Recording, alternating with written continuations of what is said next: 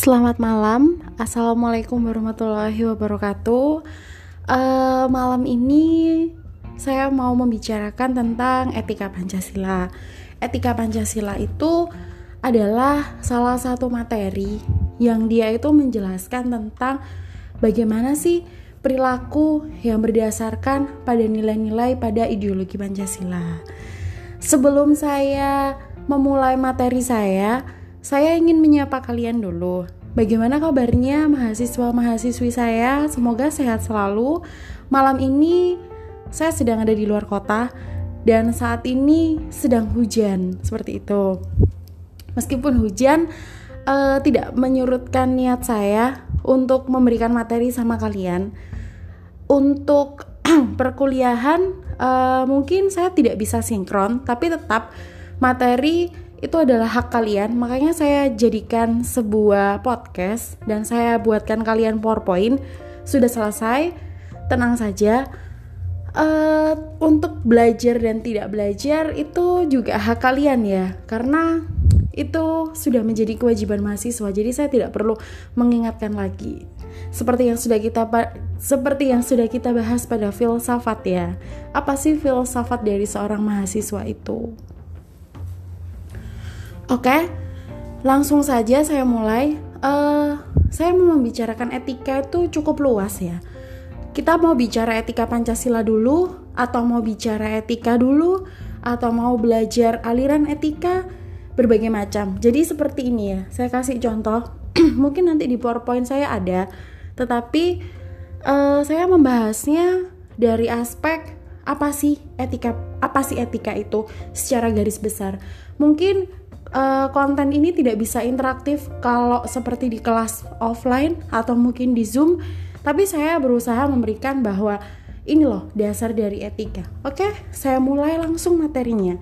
Tolong disimak. Etika Pancasila.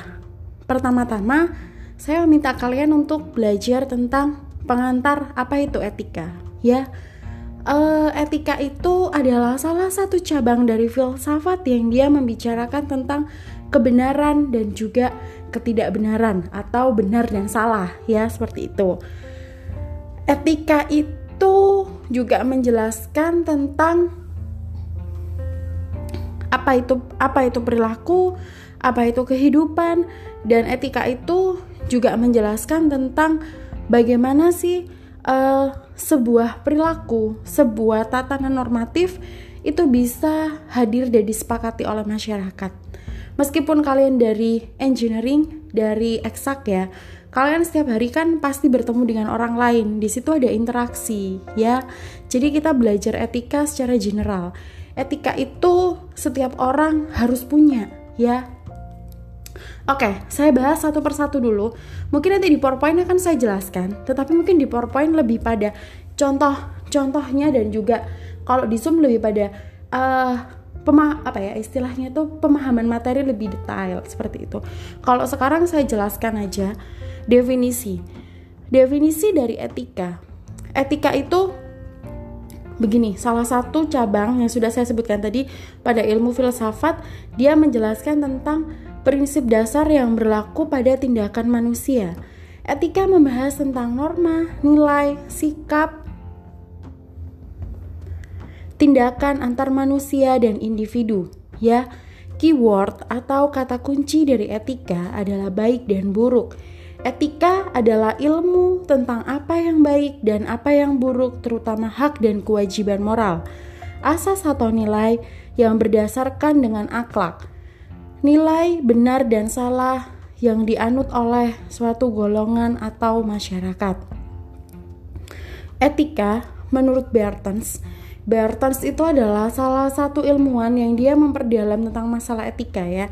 Etika sebagai sistem nilai, yaitu nilai dan norma yang menjadi pegangan bagi seorang atau sekelompok untuk mengatur tingkah lakunya. Etika sebagai kode etik Etika sebagai kode etik, kumpulan asas atau nilai moral untuk tujuan tertentu. Misalnya untuk kode etik sebagai seorang dokter, sebagai seorang engineering, sebagai seorang uh, ilmuwan itu ada kode etiknya. Kemudian berbicara tentang moralitas. Etika juga membicarakan tentang moralitas. Moralitas adalah ilmu yang mempelajari tentang baik dan buruk berdasarkan berdasarkan pada dasar ajaran agama dan kebudayaan tertentu, ya. Jadi kalau kita berbicara soal moralitas itu sebenarnya lebih dekat dengan ajaran agama dan budaya. Tetapi kalau etika itu dia lebih umum sih.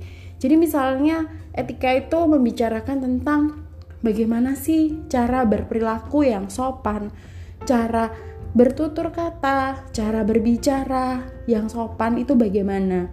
Nah, itu mungkin uh, apa ya? Suatu nilai yang penting bagi kita dan itu apa ya? melekat pada diri kita seperti itu. Mohon maaf, suara saya masih belum sembuh betul. Uh, di sini saya juga menjelaskan tentang etika dan juga etiket ya. Tapi mungkin akan saya jelaskan di PowerPoint saja waktu nanti kita kuliah karena ini lebih pada apa ya? pemahaman atau pendala, pendalaman ya, pendalaman materi seperti itu. Tapi saya langsung masuk pada nilai-nilai etika Pancasila ya. Jadi begini, ketika kita berbicara soal etika Pancasila, di sana kita juga berbicara tentang uh, kalau kalian sebelumnya kan sudah membahas tentang filsafat Pancasila, di mana filsafat Pancasila itu menjelaskan tentang ontologi, epistemologi, dan aksiologi. Nah, etika itu adanya pada salah satu unsur atau ada pada aksiologi, ya. Tapi kalau aksiologi itu dia lebih menekankan pada hal yang sifatnya itu uh, normatif. Etika juga normatif, tetapi etika itu menjelaskan apa yang baik dan apa yang buruk seperti itu, apa yang benar dan apa yang salah seperti itu. Kalau ditinjau dari ideologi Pancasila, saya langsung masuk karena nanti mungkin saya akan kasih tugas individu ya buat kalian diskusi di classroom tentang etika Pancasila. Oke, okay? Etika Pancasila adalah uh, salah satu cabang dari filsafat yang menjabarkan tentang sila-sila pada kehidupan dan perilaku sehari-hari dan nilai tersebut mengatur tentang mengatur tentang kehidupan berbangsa serta bernegara di Indonesia. Ya, etika Pancasila pada setiap sila terkandung nilai ketuhanan. Sila ke-1, sila kedua mengandung nilai kemanusiaan. Sila ketiga mengandung nilai kesatuan, sila keempat mengandung nilai kerakyatan, dan sila kelima mengandung nilai keadilan. Dan uh, nilai-nilai tersebut membentuk perilaku rakyat Indonesia yang sesuai dengan ideologi Pancasila. Kenapa saya bilang begini? Karena dasarnya ya uh, ideologi itu kan dari budaya kita sendiri, dari nilai-nilai kita sendiri ya. Jadi uh, apa pun yang ada di situ itu berkaitan dengan apa ya berkaitan dengan nilai-nilai pada ideologi Pancasila tersebut ya nilai pada etika Pancasila itu sebenarnya melekat pada kehidupan kita sehari-hari dan tercermin dari perilaku kita sebagai seorang individu. Saya beri contoh ya. Di sini sebelum saya beri contoh, saya jelaskan dulu tentang sumber etika Pancasila. Ada tiga sumber. Yang pertama adalah sumber historis, sumber sosiologis, dan juga sumber politis. Ya, sumber historis adalah sejarah, berasal dari unsur sejarah. Misalnya nilai-nilai Pancasila atau kalau sebelum pra kemerdekaan belum ada ideologi Pancasila, tetapi nilai-nilai itu maksudnya dijabarkan dalam proses atau mekanisme kehidupan bangsa Indonesia pra kemerdekaan. Kemudian pasca kemerdekaan, pada masa Orde Lama, Orde Baru dan juga reformasi, etika Pancasila itu tercermin seperti apa dan dinamikanya bagaimana. Kemudian uh, unsur sosiologis berasal dari nilai yang ada di masyarakat, kearifan lokal dari etnis dan kelompok sosial masyarakat. Selanjutnya, politik berasal dari kehidupan bernegara, pemerintahan, birokrasi, dan juga kebijakan publik. Ya, saya jelaskan dulu. Misalnya pada masa Orde Baru. masa Orde Baru itu adalah masa di mana setiap individu atau setiap uh, atau gimana ya menjelaskannya bentar biar enak gini setiap individu atau setiap warga negara itu uh, tidak memiliki kebebasan berpendapat seperti halnya sekarang ya. Kebebasan dibatasi dan di sana banyak nilai-nilai otor otoriter ya kayak gitu. Jadi uh, individu itu tidak bisa seluas saat ini. Seluas itu dalam arti ketika berpendapat dan sebagainya.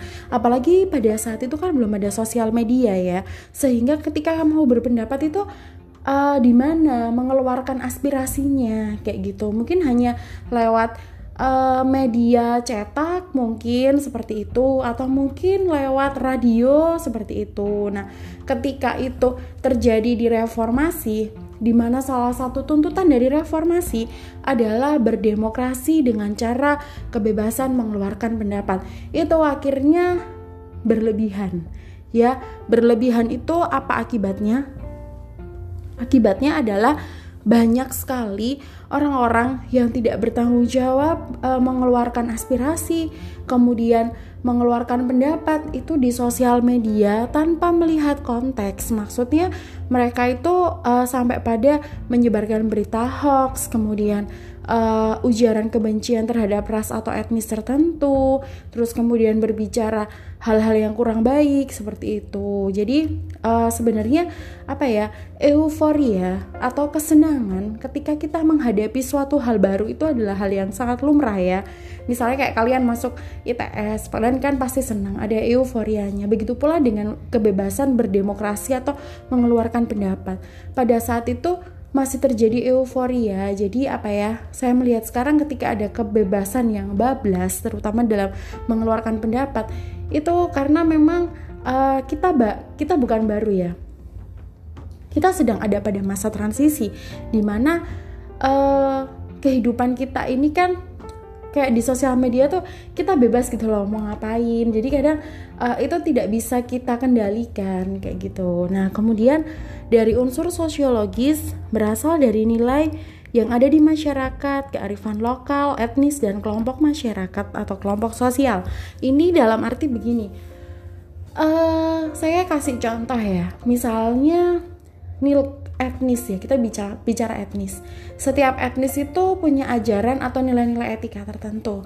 Nah itu sebenarnya saya sama uh, minggu lalu itu mau minta kalian untuk mereview sebuah buku tentang beberapa etnis yang dia punya nilai-nilai etika tersendiri dalam kelompok tersebut. Tetapi saya mengurungkan niat tersebut karena memang apa ya bahasanya itu bahasa yang terlalu sastra. Saya takut kalau anak-anak yang dari dari engineering, dari ilmu alam ketika membaca itu tuh bingung kayak gitu. Saya bacanya itu lama, saya menuntaskan buku tersebut ada sekitar setahunan sih. Jadi kayaknya nggak mungkin. Jadi ya udah saya ambil praktis dan apa ya yang simple aja. Kalau kita bicara soal etnis dan suku, yang penting itu kalian paham sih intinya gitu kalau kalian nggak paham saya akan sangat merasa bersalah karena tidak bisa mengajarkan nilai-nilai ideologi Pancasila dengan benar kepada kalian nah kemudian uh, kalau kita bicara soal etnis, ras, kelompok sosial dan sebagainya, di sini tertulis ya bahwa setiap etnis bukan tertulis ya, ada sebuah nilai yang disepakati. Misalnya untuk etnis Jawa, dia punya nilai etika yang uh, menjunjung tinggi misalnya strata atau stratifikasi atau tingkatan ya kayak gitu harus sopan dengan orang yang lebih tua cara memanggilnya bahasanya pakai bahasa kerama inggil dan sebagainya mungkin untuk etnis yang uh, Sunda ada juga nilai-nilai etika khas yang mungkin hanya ada di Sunda. Kemudian seperti etnis Batak mungkin etnis Batak punya etika khas atau ciri khas perilaku yang ada di etnis Batak itu sendiri. Nah, saya juga kurang tahu apa. Cuman dari beberapa buku yang saya baca memang setiap etnis itu ada. Nah, saya tidak hafal apa aja. Oke, uh, terus kemudian di sini ada juga sumber etika Pancasila itu dari unsur politik di mana unsur politik itu misalnya kehidupan bernegara, pemerintahan, birokrasi, dan kebijakan publik. Mungkin begini ya, Uh, dalam arti itu di sini adalah bagaimana sih sebuah negara itu menjalankan roda pemerintahannya berbasis pada nilai-nilai etika. Ketika di sana uh, ada ada sebuah kasus, ada sebuah permasalahan, bagaimana sih cara menjaga agar sistem pemerintahan itu tidak mati, tidak diam di tempat, tetapi tetap berjalan seperti itu. Nah, itu diperlukan check and balance. Mungkin saya juga akan membahas sedikit tentang jabatan politis dan juga jabatan karir ya, kalau dalam etika. Jadi gini, kalau orang-orang atau sekelompok orang misalnya menteri, DPR yang melakukan korupsi itu adalah jabatan politis ya. Jabatan politis itu adalah jabatan yang dipilih melalui pemilihan umum. Tetapi kalau jabatan karir itu misalnya kayak PNS itu loh ada golongan 3, golongan 4 misalnya kayak papa kalian, mama kalian kalian tanya pama kalian golongannya golongan berapa? Jadi uh, saya melihat di sini orang-orang yang melakukan korupsi kalau ditinjau dari etika karena di situ ada biaya politik sih. Biaya politik yang tidak murah. Jadi kalau saya melihatnya nilai-nilai etika itu mungkin yang menyimpang dari kehidupan berbangsa dan bernegara yaitu tadi karena adanya proses demokrasi, euforia yang terlalu berlebihan, biaya politik untuk mendukung jabatan politis seperti itu uh, sesi satu saya akhiri dulu. Setelah ini saya akan menjabarkan satu persatu permasalahan dan tantangan dari etika Pancasila. Terima kasih atas waktunya.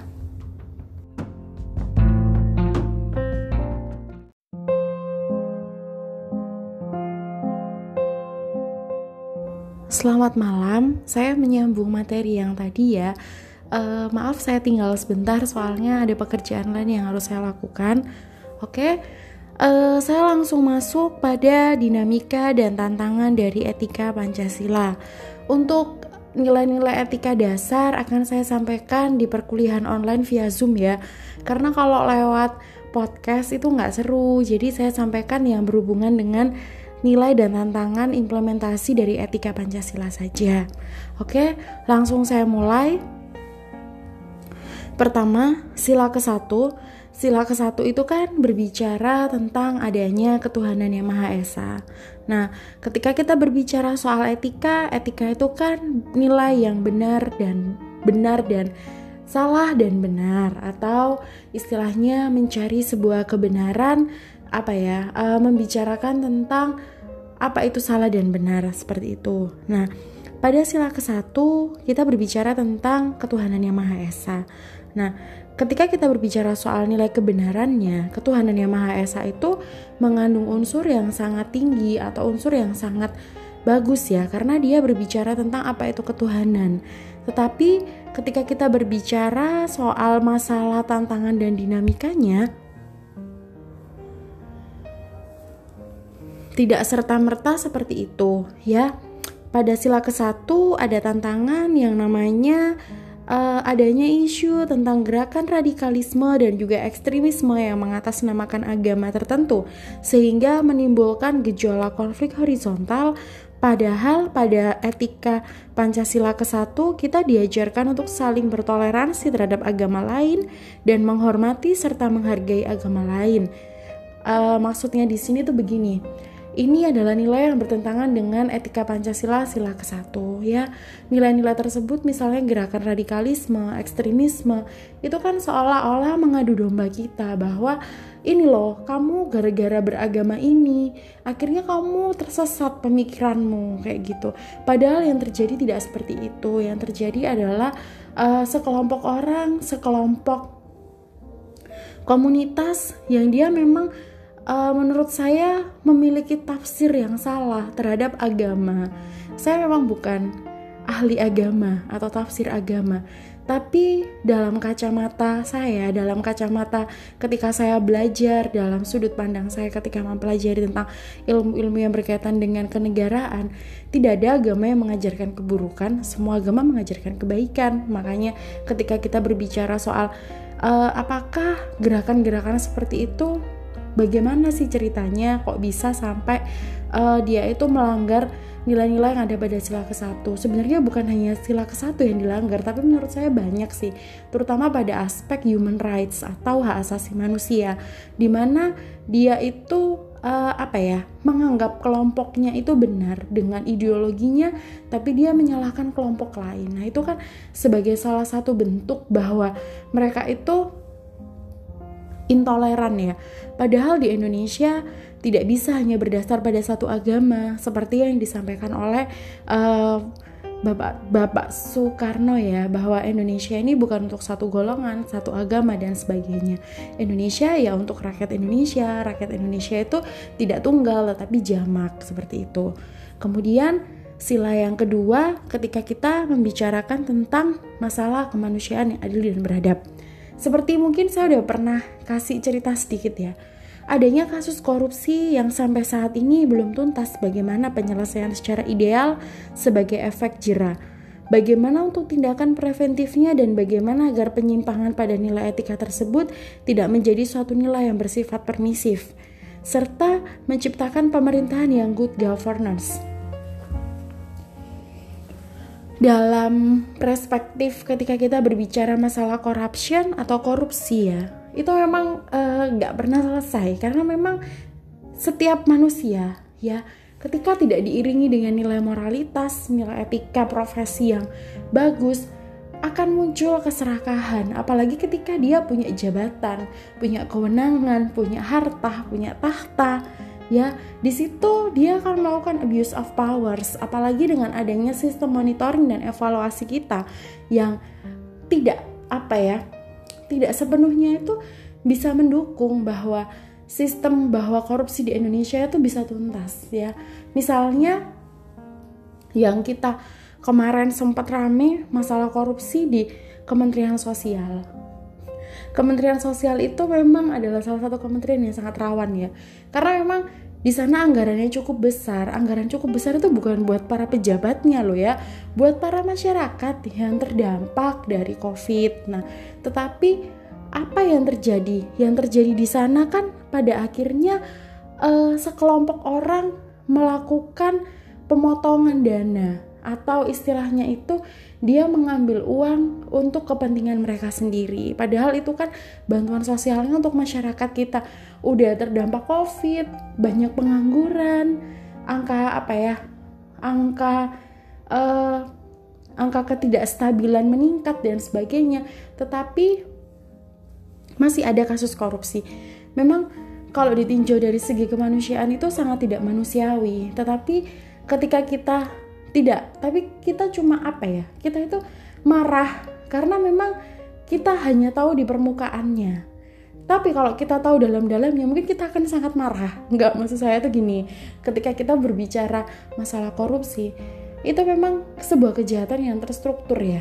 Terstruktur itu begini uh, dia itu tahu bagaimana caranya melakukan korupsi saya pun kalau berkecimpung kalau berkecimpung di dunia bantuan sosial di dunia pengentasan kemiskinan saya juga tahu bagaimana caranya. Tapi masalahnya itu tinggal kita. Bagaimana kita mengantisipasi dan sebagainya. Uh, sebenarnya di Indonesia sistem birokrasinya itu sudah mulai berbenah, berbasis pada teknologi, berbasis pada ya pokoknya macam-macam lah, banyak aplikasi, banyak perangkat yang digunakan dan sebagainya. Tetapi saya masih melihat bahwa di sini tuh uh, apa ya? masih banyak sih nilai-nilai warisan dari kolonialisme yang belum selesai. Saya bilang begini kenapa? Karena saya melihat korupsi itu adalah warisan dari nilai-nilai kolonialisme yang sampai sekarang tuh belum selesai. Mungkin kalau zaman dulu namanya upeti ya. Kalau sekarang mungkin namanya bisa gratifikasi, bisa uh, markup dana dan itu lebih bervariasi karena memang semakin banyak ilmu pengetahuan yang mendukung. Maksudnya tuh gini loh orang itu kan semakin pintar ya. Semakin pintar karena belajar. Tetapi apakah hasil belajarnya itu digunakan dengan baik? Nah itu yang kita tidak tahu. Dan prinsip itu yang mungkin tidak sesuai dengan nilai etika. Nah kalau kasus korupsi itu memang uh, anggaran dana pemerintah itu sangat banyak, terutama untuk pos-pos anggaran yang berkaitan dengan kesejahteraan masyarakat dan sebagainya. Sehingga memang sangat rawan dan memang apa ya diperlukan sebuah sistem sistem atau apalah saya juga kurang tahu karena saya bukan orang IT. Ya mungkin kalian ke depannya akan menciptakan sebuah sistem yang terintegrasi lah. Bagaimana caranya sebuah sistem itu terintegrasi agar orang-orang yang melakukan korupsi ini bisa sedikit banyak itu dihambat. Nah, kemudian dari tata hukumnya juga. Hukum kita itu masih berdasar pada aspek yang sifatnya itu represif. Ya, represif itu uh, ketika ada masalah baru diselesaikan seperti itu. Nah, itu harus dikaji ulang apa hukum yang tepat untuk para koruptor seperti itu.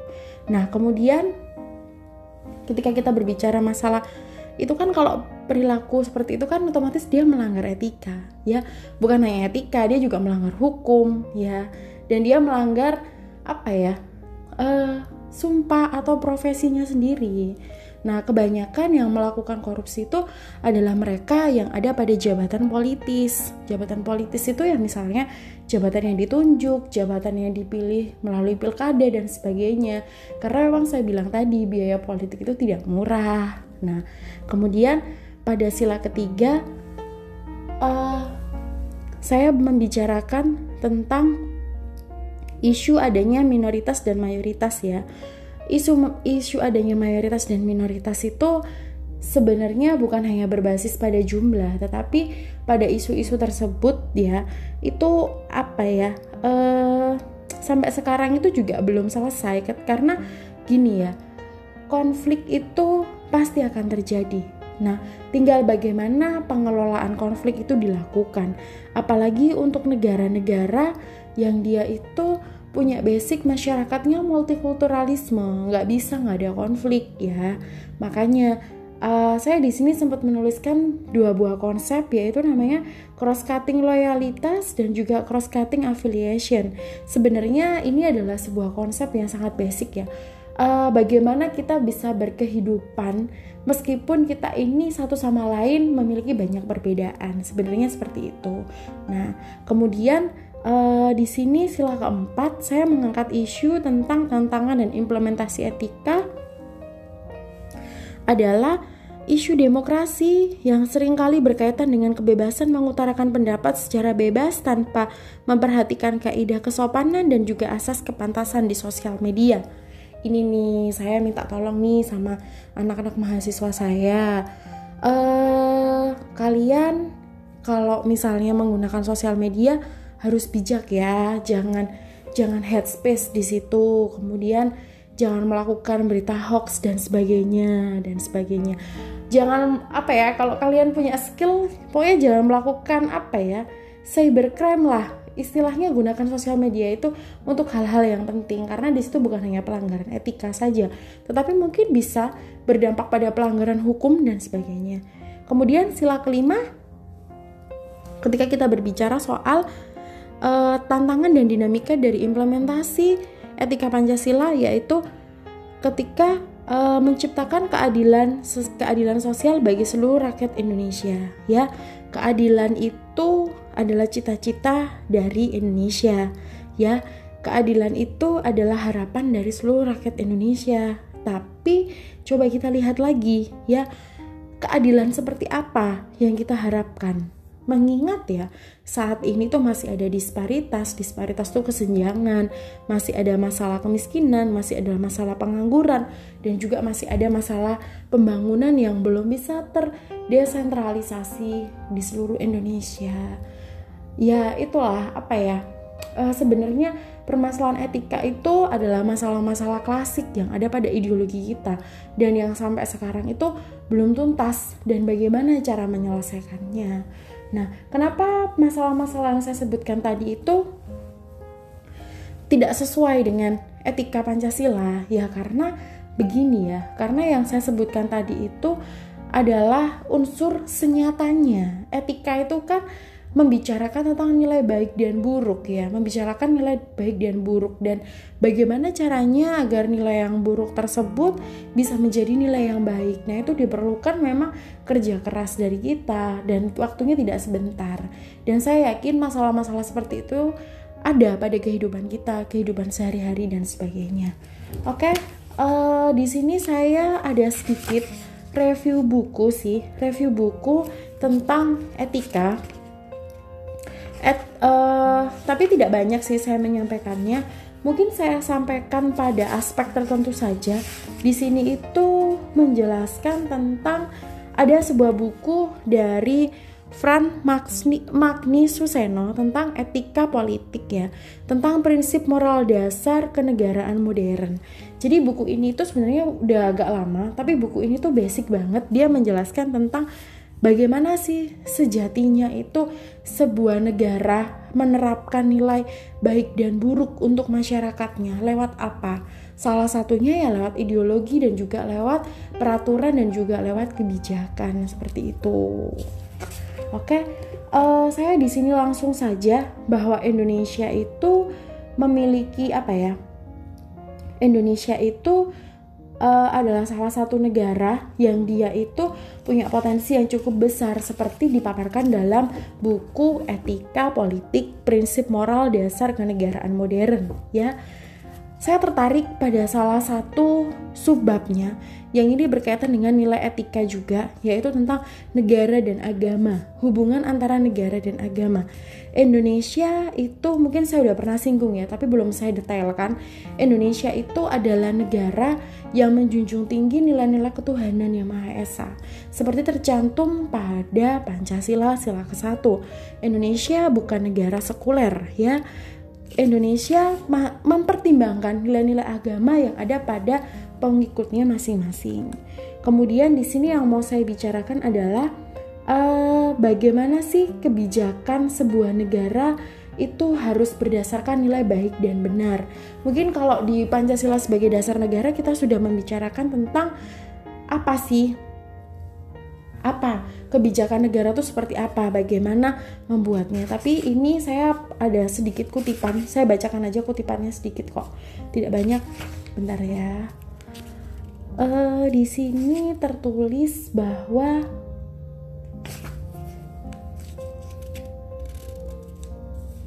Oke, uh, ini langsung saya bacakan saja. Negara dan agama adalah ini berkaitan dengan prinsip apa namanya tentang kenegaraan ya, etika kenegaraan, oke, et, atau etika negara. Negara dan agama adalah bagian realitas sosial yang amat berharga. Oleh karena itu, termasuk unsur hakiki dalam menciptakan kesejahteraan masyarakat, maka negara wajib untuk bersifat positif terhadapnya.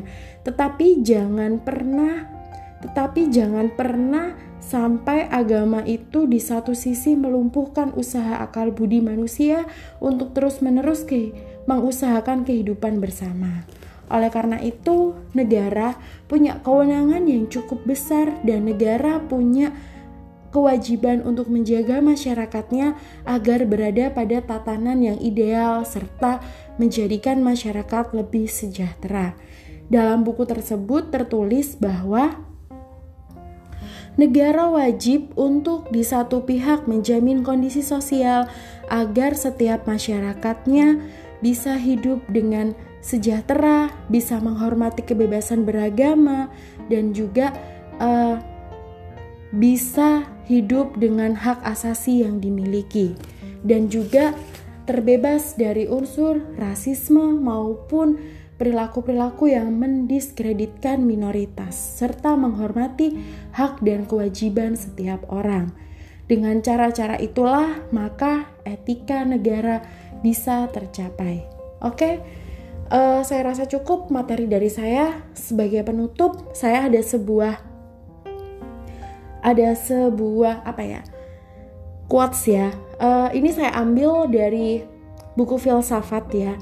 Ketika kemanusiaan dijunjung tinggi, ketika keadilan mendapatkan tempatnya, ketika perbedaan mempersatukan kita, di sanalah Tuhan berada.